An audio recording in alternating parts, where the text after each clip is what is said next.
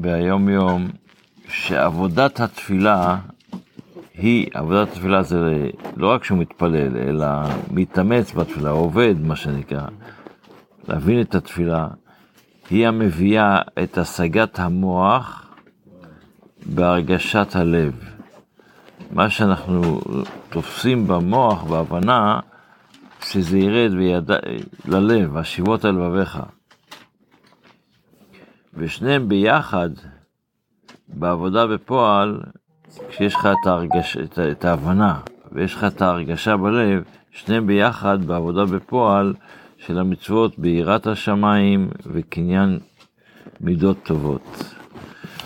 הרב לוקח את זה מחוברת שהאדמו"ר הקודם כתב על ההבנה של מה, מה מיוחד של תפילה. בחס, בחסידות חב"ד יש עניין להתפלל, שהתפילה תהיה תפילה ככה כמו שצריך, עם, עם הבנה ו, ולנסות להבין את פירוש המילות. ו... חסידים גדולים שהיו מתפללים שעות. אז את זה מביא היום הרבי בקצרה בשני השורות האלה, שמה זה עבודת התפילה, זה לא סתם שאתה מנסה להבין מה שאתה אומר, שאתה מנסה להבין מה שאתה אומר כדי שזה יביא לרגש, ושניהם ביחד יביאו לך, שנבוא את השם כמו שצריך. מצוות. בספר המצוות לומדים היום את אותה מצווה של טומאה וטהרה, וכשהמצווה הזו חוזרת על עצמה כמה פעמים, אז אנחנו עוברים ליד החזק, לאלה שלומדים את, את יד החזקה, שלושה פרקים ליום. אז בשלושה פרקים ליום לומדים היום על טומאה, אני אלמד משנה, אה, קטע, סעיף אחד מתוך, מתוך היד החזקה.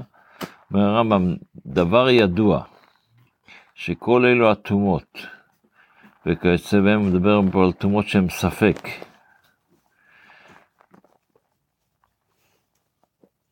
שהן משום ספק, הרי הם של דבריהם. זה גזרות של חכמים שהם גזרו שיהיו, שיהיו אה, מטמאים. ואין טמא מן התורה אלא מי שנטמע טומאה ודאית. אבל כל הספקות, בין בטומאות, בין במחלות אסורות, בין באריות ובשבת, אין חוששים להם אלא מדברי סופרים. הוא אומר, כמו שביאר, כמו שהרמב"ם מבאר את זה בהלכות איסורי ביאה בכמה מקומות. בתפילה, אנחנו, איך שאמרנו, אנחנו ניגשים עכשיו לקטע של הקורבנות. אז בשולחן ערוך של אדמו"ר הזקן, הוא כותב, כשמגיע לנושא של קורבנות, הוא כתוב, נהגו כל ישראל וקבעו חובה לעצמם לקרוא כל יום, בנוסף לתפילה, את פרשת התמיד בכל יום קודם התפילה. כל, כל הקטעים שאנחנו עכשיו קוראים זה כאילו, עוד לא הגענו לתפילה, התפילה מגיעה בהודו, או באיזה מקומן, כל מיני, שנגיע נסביר אותם. אז נגעו כל ישראל קבעו לעצמם חובה על עצמם לקרוא פרשת תמיד בכל יום קודם התפילה. שעל ידי הקריאה הזו, על ידי שקוראים את הקטע הזה של התפילה, מלא עלינו מה כתוב, כאילו הקריבו קורבן תמיד במועדו. וטוב לומר, גם פרשת הקטורת אחר פרשת התמיד. לכן, כמו שנלמד, אנחנו נראה, קודם נגיד את, את התמיד, ואחרי זה נגיד גם כן את הקטורת, כי זה... האמת היא שכתוב ב... במדרש, שאברהם אבינו אמר לפני הקדוש, הגמרא אומרת את זה, אמ, במסכת תענית, דף אה, כ"ז, אומרת הגמרא, אמר אברהם אבינו לפני הקדוש ברוך הוא, תנח בזמן שבית המקדש קיים, אז יש להם את הקורבנות של להקריב, וזה מה שיכפר עליהם.